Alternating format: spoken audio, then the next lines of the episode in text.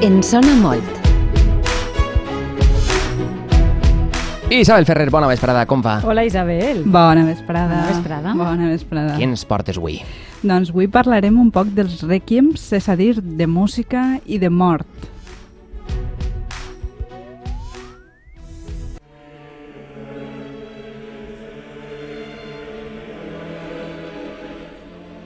Ui, ai, ai, ai, ai, ai.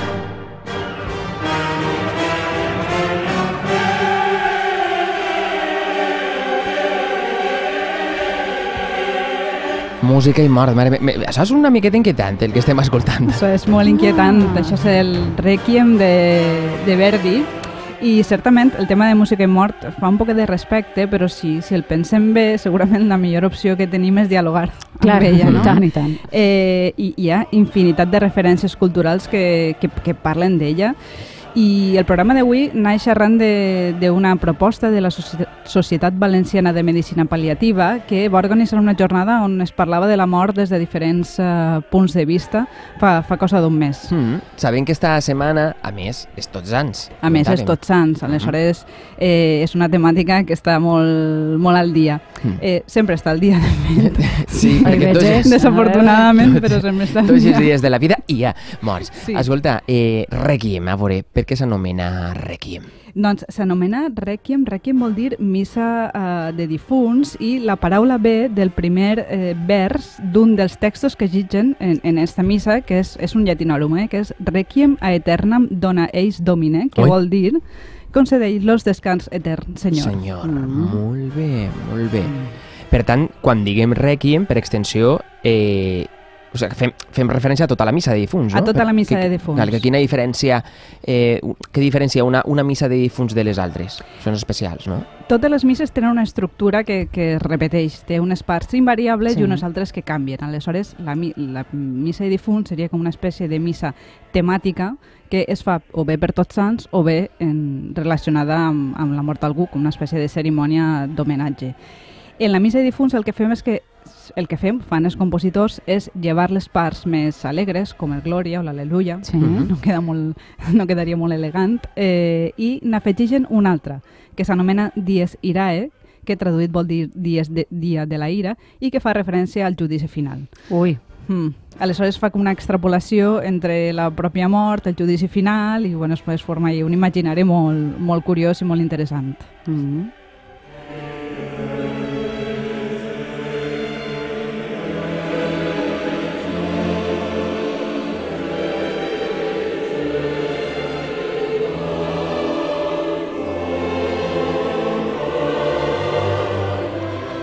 Això que estem escoltant és el Requiem, eh, el més famós que hi ha, que és el de Sí. sí. Wolfgang Amadeus Mozart, i bé, si sentiu estan dient Requiem, les diferents veus van entrant i van dient... Ai, no, he fixat jo en això. Sí, sí, sí, Mm. van dient tot, tot el vers, clar. Mm. a mi m'agrada més este requiem que el que hem sentit abans, que és més inquietant. Me- són inquietants, han anat canviant a, mesura que passava el temps eh, i ara us diré quins són els trucs que han anat gastant els compositors per anar fent-los més inquietants Perquè encara. Mozart fou el primer que va posar la música esta de, de, no, de no, missa per a Requiem. gens, de el, Requiem. el text és molt més antic i es cantava en cant gregorià, que és este cant que canten Sí. tots els monjos a, a una veu. El que passa és que va haver un moment en què es decideix que el, el text, este text de Requiem, podia formar part de, de tota una missa eh, per a estos dies, no?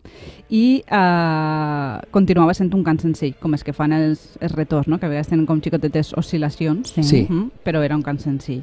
Mm. Com, Com una espècie com si estigueren recitant, no? Com Sí, si com un recitat, un exactament. poema que pugen i baixen, Mm. no? Mm. Al principi no tenien cants complexos ni música, però els compositors varen a poc a poc augmentar la complexitat, posant-li més veus, posant-li instruments, tot i que, curiosament, en el cas del Requiem, eh, en relació a altres misses temàtiques, es varen esperar un poquet perquè els, els pareixia molt, molt solemne i el veien un punt irrespectuós començar a posar eh, ornaments a, a un text tan solemne. Mm. que, que, que curiós, perquè realment de- en altres llocs... Però això també és que és una cosa molt cultural, no? Que no, la mort l'hem de tractar així. Mentre Sí, que en altres amb cultures... solemnitat, clar. Sí. Pensem Parlàvem ahir de Mèxic, Mèxic, ahir, recordes, en Juanjo? amb una certa De jibri, de jibri, sí, jibri. alegria, festivitat, festejar, eh, no? Eh, Totalment, totalment. La mort és molt cultural i com vivim la mort i com la tractem totalment i la música forma part d'aquest Mhm. conglomerat que hi ha darrere. Doncs ja està, si, a si ho tractem amb requiems ja em diràs. Exacte. Ja veus, ja veus. I bueno, el gènere cada vegada es va anar fent més famós eh, perquè a diferència de les, de les misses normals, el, el text del Requiem és molt dramàtic. Aleshores els compositors com que podien esplayar-se i fer com coses més espectaculars. Ah. Espectaculars de... Espectacle? O de- Espectaculars o de... d'espectacle, sí, perquè la gent anava als soterrars a veure el boato i la música augmentava tota aquesta sensació d'espectacle, de, de, d'espectacle, d'anar a Com veure... si anaren al teatre. Com si anàrem al teatre, és Clar. que la gent són molt morbosa a veure Sí. aquestes coses. Certament. I com funcionava això, aleshores? Els personatges rics, la, la noblesa, que la veritat és que no tenien una altra cosa que fer només que anar a aquest tipus de- d'esdeveniments, varen començar a demanar obres musicals pels seus funerals. Era una de les maneres que tenien, juntar la roba, les joies, les perruques, els O sea, però que li cavalls... les composaren. Exactament. Clar, tu- per quan te morgues, eh, fes una musiqueta per a quan me morga, un requiem. Sí, Ja, total. És una llàstima perquè ja no la, ja no la gaudiràs... Vull dir-ho sí, o, no, o no, No no, sabem, no el no cos, però sí l'ànima, d'acord, No d'acord. N'hi havia vegades que la demanaven per algú que ja no estava, Ah. però perquè era justament això, no? per a acudir al funeral. Aleshores, Mm. tot com havia quedat l'espectacle s'anava passant mm, no només entre els nobles, sinó de boca en boca fins a, fins a totes les capes socials, Ahà. i la gent parlava d'això, no? de, de com havia reaccionat la gent, de com era la música, de si havia sigut prou lluïda, com, com una boda, com un... Sí, avui en dia. Mm, que, exactament, perquè avui realment... Sí, podien seguim- trobar-se Sí, en una situació molt, molt similar. Eh, per aquesta curiositat no? que tenim vers, vers la mort. I això els compositors ho sabien i van començar a explotar-ho. Mhm. Valen dir, "Mm, tenim una peça musical que justament té uns elements molt dramàtics que podem eh, explotar-los. Aleshores van començar a llevar de la missa les parts que són iguals a totes les misses, perquè total, la gent ja les Sí. sí. sabia, Mhm. i el dies, els dies d'ira Ira, van començar a, a fer-los més i més llargs, introduint-li cada vegada més parts. més mm, morbo. Sí, exactament. Van començar, per exemple, a posar efectes sonors quan les paraules eh, dien una cosa que podia ser inquietant, no? Per exemple, en un moment en què en, en el Dies Ira es diu Quantus Tremor, que vol dir això, quina por, Quina por. i posaven alguns efectes com este.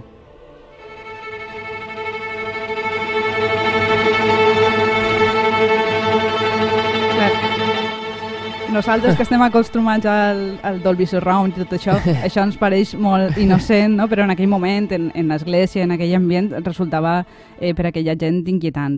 N'hi ha un altre moment en què es diu Tuamirum, que fa referència a les trombetes de, de l'Apocalipsi, i els compositors aprofitaven el moment per a posar tota la trompeteria, tot el metall que tenien en l'orquestra.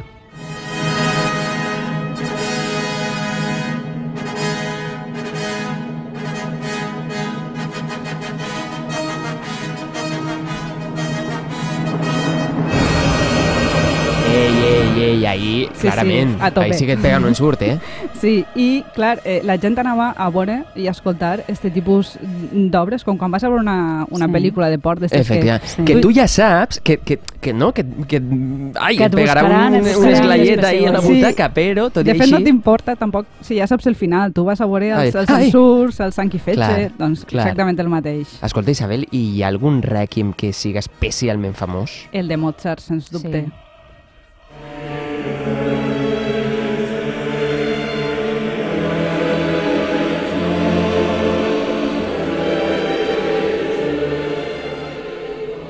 És el que hem escoltat abans, això és, és l'inici, i este Requiem, entre altres coses, per a nosaltres es va començar a fer Mm. molt famós arran Mm. de la pel·lícula Amadeus, de Milos Forman, Mm. que eh, on sobretot es feu famosa entre altres perquè Mozart eh, així en un riure així. Ah, sí.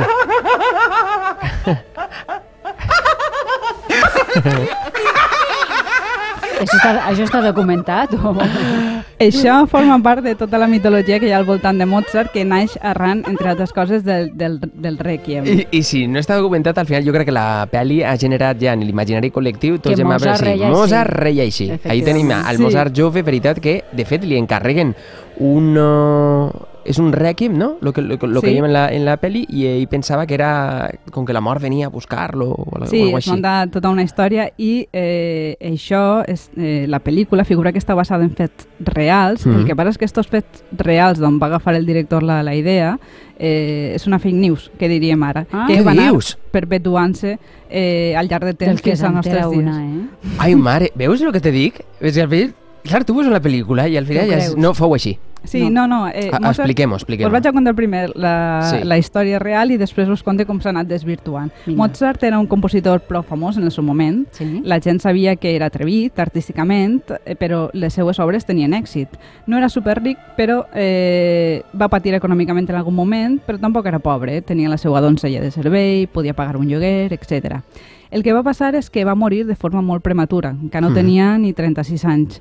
I justament una de les últimes obres que estava escrivint quan va morir era el seu primer rèquiem. Mhm. De fet, música religiosa no en tenia molta, però en aquest moment l'acabàvem de contractar com a cap de la música d'una església. Sí. Aleshores ella estava treballant en música en música religiosa. Mm -hmm.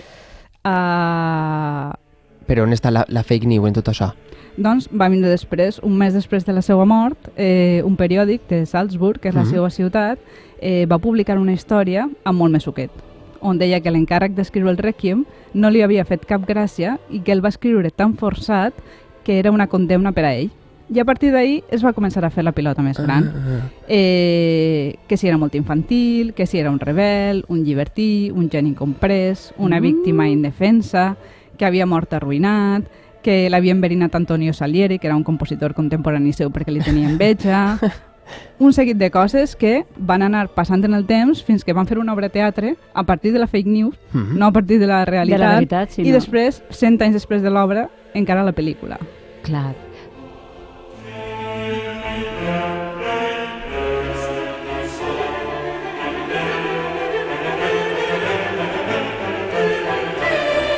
Clar, ara ja sentim el Requiem de Mozart, però amb l'explicació de la falla, Clar, no? és molt més interessant. sí, clar. Sí, és més interessant, sí que... Bueno, la fake news també és interessant, eh? veure com ha anat canviant el, Sí, el, sí. el mite del compositor, però mires Mozart amb uns altres, amb uns altres ulls. I gràcies a aquesta història mm, del, del pobre Mozart, el gènere es va començar a fer tan famós que tots els compositors ne volien escriure un. De fet, va arribar un moment en faria què... negociet també, ahir, eh? Sí, també. Va arribar un moment en què ja no se feia en, en l'església, es feia en un concert, Mhm. que és com ens ha arribat la versió que ens ha arribat avui en dia i Mm. que encara se'n encara se'n fan per com, commemorar coses inclús fora de, de l'àmbit religiós, com per exemple l'11S als Estats sí, Units. Sí. és de veres, Mm. és de veres. Doncs mira, va, amb aquest homenatge barra commemoració ens quedem. Isabel Ferrer, musicòloga, moltes gràcies. Que bé, molt interessant. Gràcies, Isabel. Gràcies a vosaltres.